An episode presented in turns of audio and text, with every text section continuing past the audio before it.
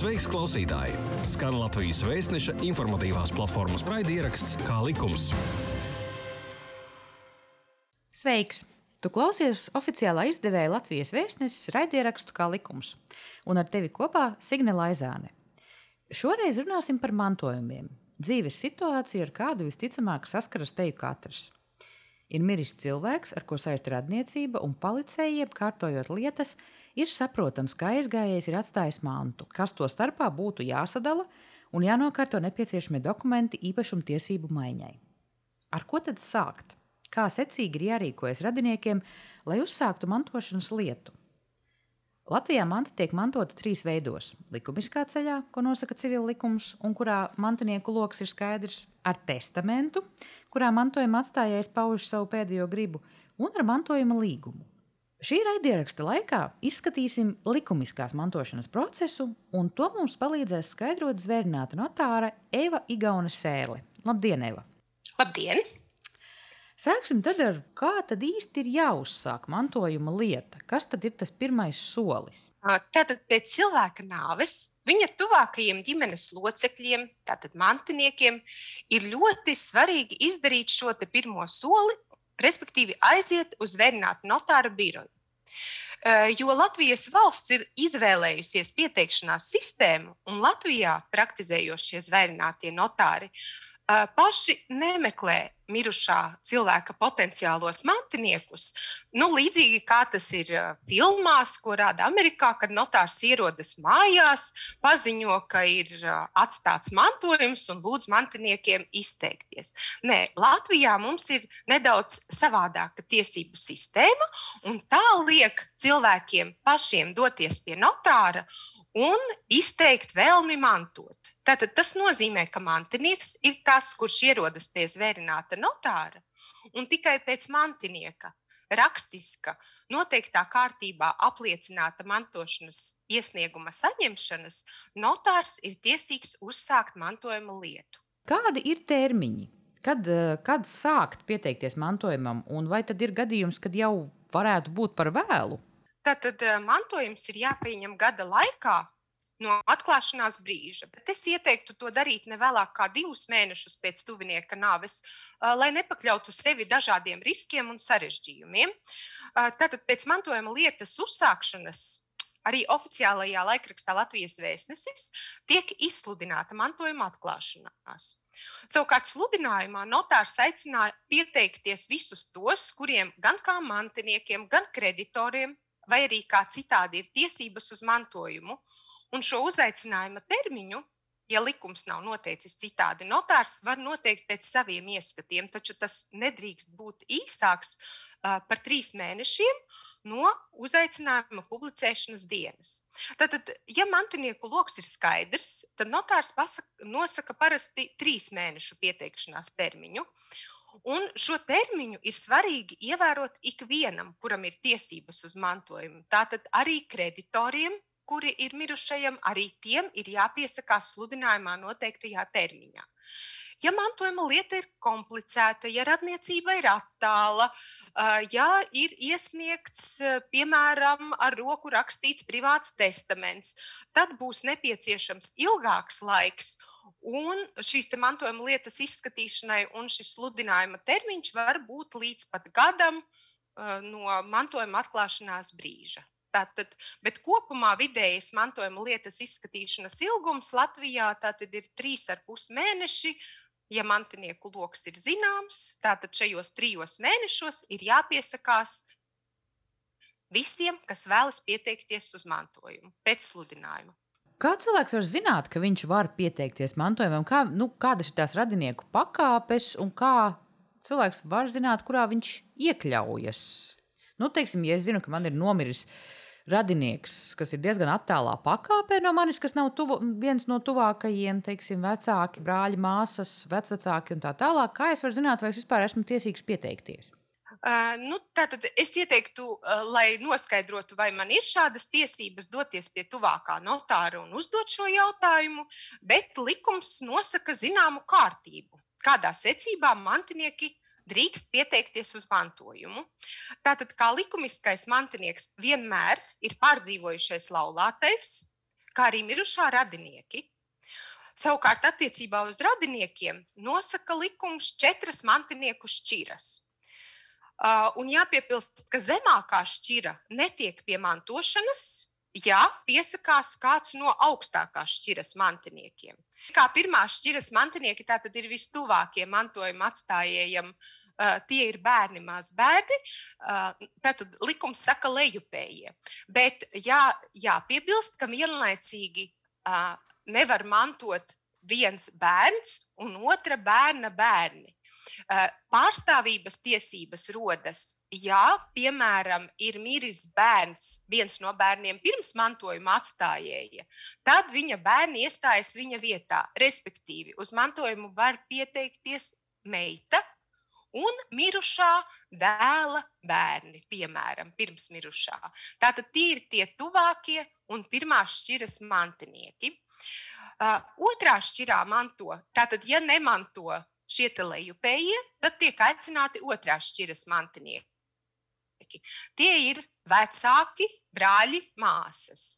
Trešajā šķirā, tātad, ja nav vai pirmās vai otrās šķiras, trešajā šķirā manto pusbrāļi, pusmāsas.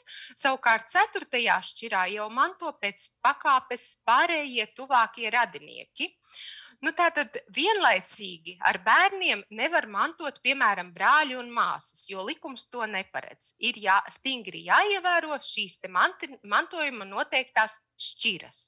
Kādi dokumenti jāņem līdzi, dodoties pie notāra, uh, uzsākot mantojuma lietu?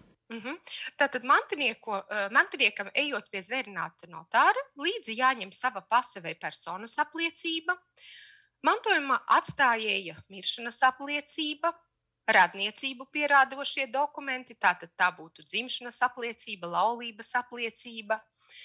Mantas saraksts, kas mantiniekam ir zināms, piemēram, nekustamajiem īpašumiem, adreses, ja ir zināmas.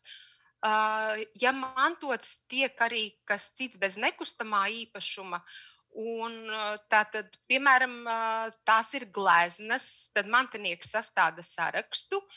Savukārt, ja vajadzīgie dokumenti mantiniekam nav pieejami, to sagādāšanu ir iespējams arī uzticēt zvērinātam notāram. Tātad, respektīvi, jābūt identitāti apliecinoši dokumenti, radniecību apliecinoši dokumenti un dokumenti, kas pierāda, ka mantojuma atstājējiem piederēja noteiktā manta.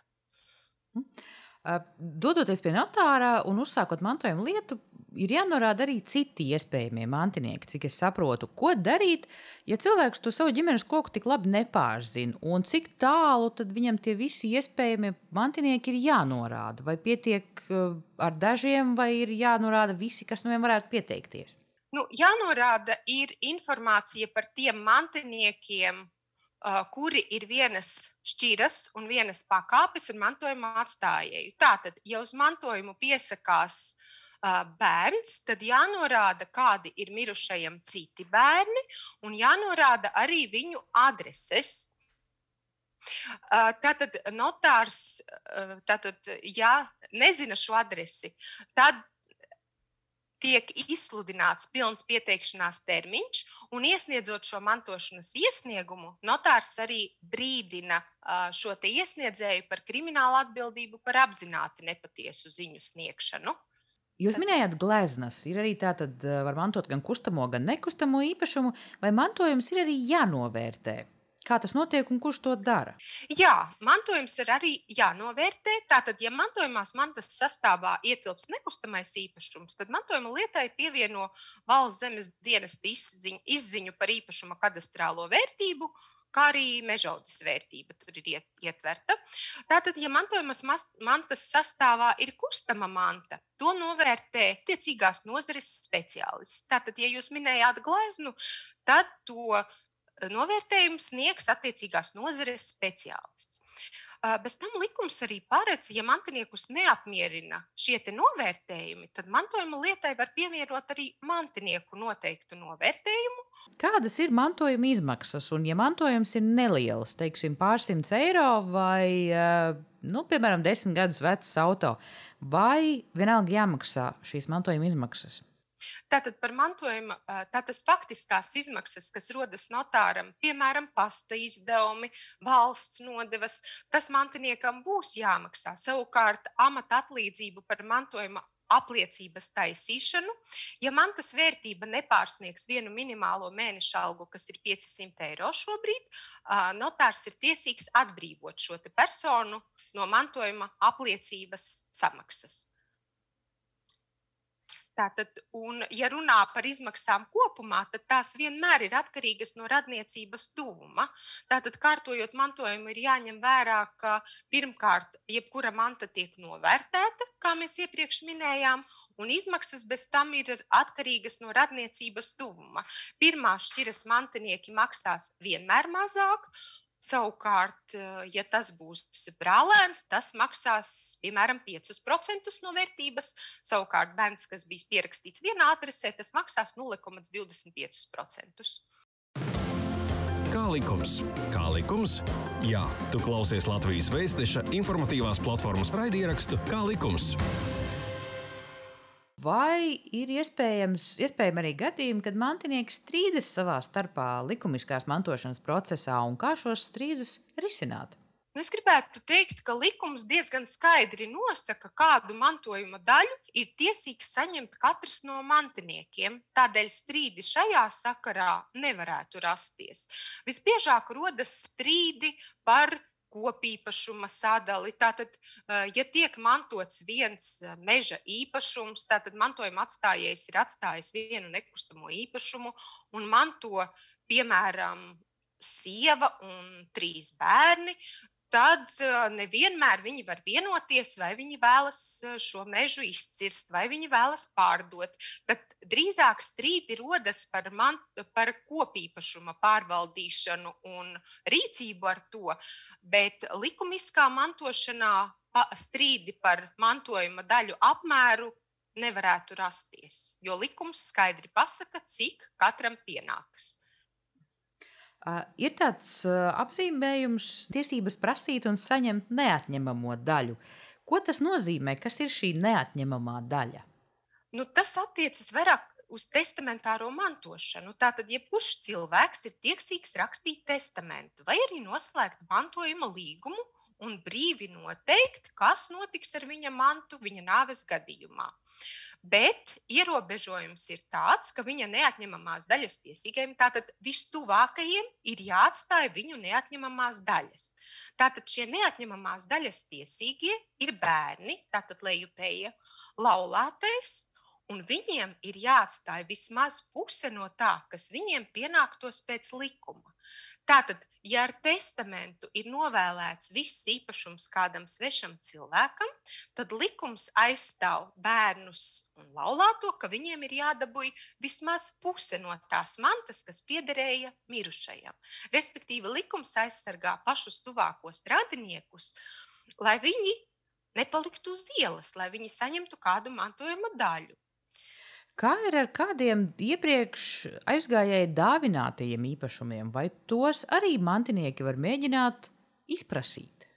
Jā, šī neatņemamā daļa ir aprēķināma no visas mantas vērtības, kāda piederēja mantojuma atstājējiem. Tātad arī no dāvanām ir tiesības izprasīt neatņemamo daļu. Respektīvi, ja cilvēks ir aizgājis, pirms aiziešanas visu savu mantu viņš ir uzdāvinājis kādam citam, un bērniem nav palikušas šīs neatņemamās daļas, tātad puse no tā, kas pienāktos pēc likuma, tad bērni ir tiesīgi arī no dāvinājuma izprast citu neatņemamo daļu. Labi, mantojums, teiksim, ir pieņemts. Kādi dokumenti jāsakārto, lai mantotais īpašums nu, nepaliktu teikt, karājoties gaisā? Tātad pēc mantojuma apliecības saņemšanas mantotie īpašumi ir jāreģistrē attiecīgos reģistros uz mantinieka vārda. Piemēram, ja tiek mantota automašīna, tad ir jāreģistrē ceļu satiksmes drošības direkcijā. Ja ir mantotas uzņēmuma kapitāla daļas, jāreģistrē uzņēmuma reģistrā. Nekustamie īpašumi jāreģistrē zemes grāmatā. Tātad uz banku ir jādodas un e, jāsaņem nauda no konta, jāpārskaita savā kontā. Jāatzīmē, ka, ja ir runa par nekustamajiem īpašumiem, kuri jau ir reģistrēti zemes grāmatā, tad šobrīd notārs elektroniski šo var izdarīt un iesniegt dokumentus zemes grāmatā. Mantiniekam nebūs par to jārūpējas un nebūs jādodas uz zemes grāmatu. Un, ja mantinieks, teiksim, saņem tikai šo mantošanas apliecību un nu, tālāk vairāk vai mazāk neko nekārto, nepāraksta, neizdara, vai tas nozīmē, ka viņš mantojumu neskaitās īsti pieņēmis, vai kāds var pēc laika nākt un cits mantinieks pieteikties? Ne. Nē, tiklīdz mantinieks pies, pieņem mantojumu un pierāda mantošanas tiesības, viņš ir mantinieks, un vēl jau vairāk, ja viņš saņem mantojuma apliecību. Bet uh, atšķirās mantinieks un īpašnieks. Tātad, saņemot mantojuma apliecību, cilvēks ir mantinieks, bet reģistrējot īpašuma tiesības, viņš kļūst par īpašnieku. Līdz ar to viņš var izlietot visas savas kā īpašnieka tiesības. Nenostiprinot zemes grāmatā, var rasties dažādi šķēršļi. Nu, piemēram, uh, ja nomanto dzīvokli, kuru vēlēsies pārdot pēc nu, gadiem, sešiem. Tātad, ja nenoreģistrē zemes grāmatā uzreiz pēc mantojuma saņemšanas, tad ienākuma nodoklis, piemēram, netiek aprēķināts no tiem īpašumiem, kas ir pieci gadi reģistrēti zemes grāmatā un vismaz gadu deklarēta kā vienīgā dzīves vieta. Tātad ir dažādas nianses un trūkumi, kas var kādā brīdī nu, būt par ļaunu mantiniekam, ja viņš šīs darbības neizdara līdz galam. Kas notiek, ja mantošanas termiņš, piemēram, tiek nokavēts? Cilvēks ir miris pirms nu, jau vairākiem gadiem, bet mantinieki sāk interesēties par mantojumu tikai stipri vēlāk. Tad, tad situācijā, ja neviens no mantiniekiem ne arī kreditors nav uzsācis mantojuma lietas kārtošanu gada laikā no mantojuma atklāšanās brīža, pieteikties uz apstiprināšanos mantojuma tiesībās drīkst mantinieki, bet tikai tie, kuri noteiktā kārtībā ir pieņēmuši faktiskā valdījumā. Tātad, ko tas nozīmē? Faktiskais valdījums nozīmē, ja cilvēks ir uzskatījis šo mantojumu par savu, tikai nav nokārtojis dokumentus, nu, respektīvi dzīvoja. Mm, vienā dzīvoklī mamma un meita ar ģimeni. Tātad mamma aizgāja mūžībā, meita, uzskatot, ka tas dzīvoklis tāpat pienāksies viņai, neuzskatīja par svarīgu nokārtot dokumentus laicīgi, vai arī bija kādi objektīvi apstākļi, kādēļ viņa to neizdarīja.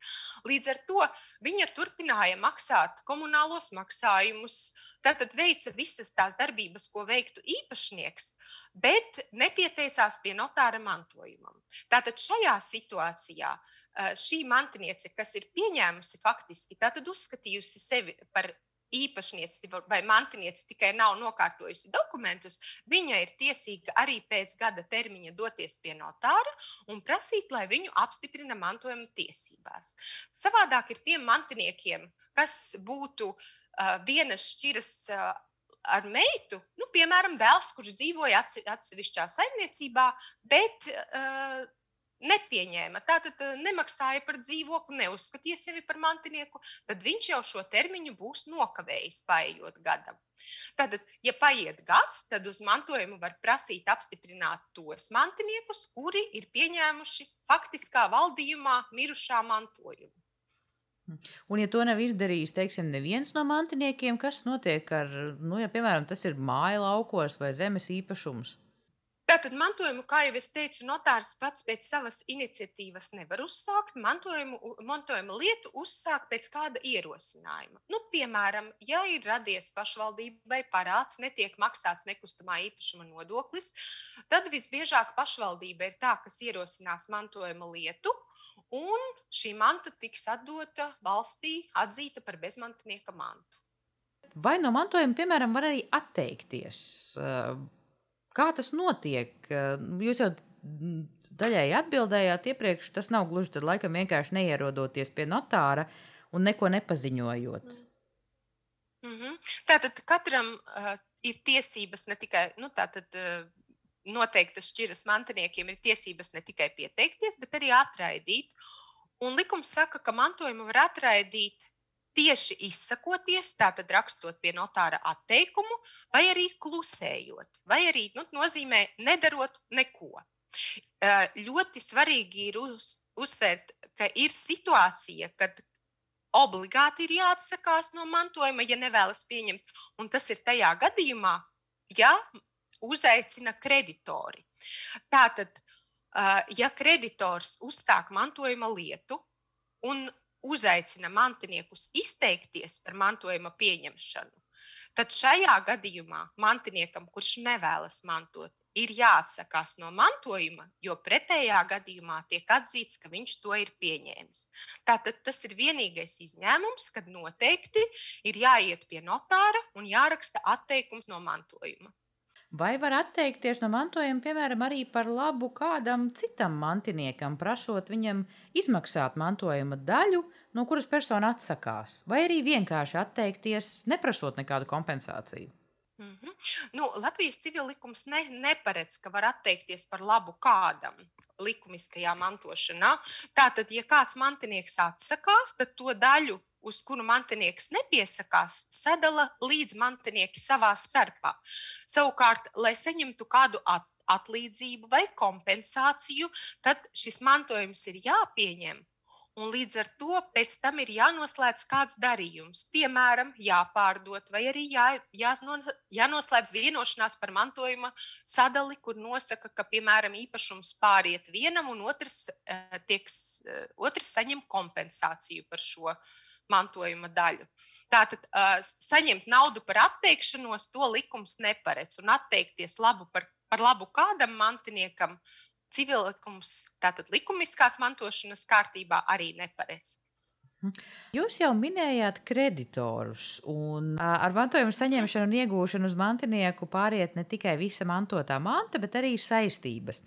Kā tad pārliecināties, ka nesenāk mantot tikai parādus, un vai var atteikties no šāda mantojuma?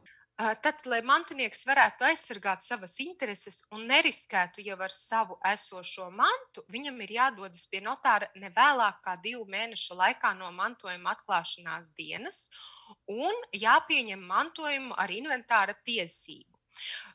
Ko tas nozīmē? Tas nozīmē, ka mantinieks atbildēs kreditoriem tikai ar to mantu, kas piederēja mirušajam.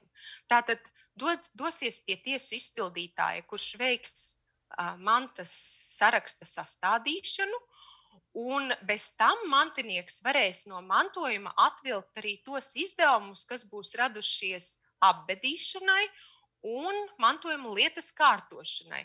Nu, respektīvi, mantinieks nepaliks parādā ar savu naudu, bet arī nesaņems neko manto, no mantojuma. Ja tiek nokavēts šis divu mēnešu termiņš, uh, tad likums aizsargā tikai personas ar ierobežotu rīcības spēju vai nepilngadīgas personas, kuras var pieņemt tikai ar inventāru tiesību. Savukārt rīcības spējīgas personas un pilngadīgas to var izlietot tikai divu mēnešu laikā no mantojuma atklāšanās dienas. Paldies, Eva, par sarunu. Šādas tēmas nevienmēr ir vienkāršas un uztveramas bez emocijām, taču nenoliedzami nepieciešamas un noteiktos dzīves brīžos vajadzīgas. Kādā no nākamajiem raidījumiem ar Evu parunāsim arī par testamentāro mantošanu. Ko tas nozīmē un kā pareizi uzrakstīt testamentu. Paldies, ka klausījāties! Zināt, vienmēr ir noderīgi. Ar tevi kopā bija Signe Laizāne un raidieraksts Kā likums. Šī bija iknedēļas pusstunda kopā ar oficiālā izdevēja Latvijas vēstneses informatīvās platformas raidierakstu Kā likums. Pastāsti citiem, ja bija noderīgi un interesanti. Kā likums, tiekamies ik trešdienu!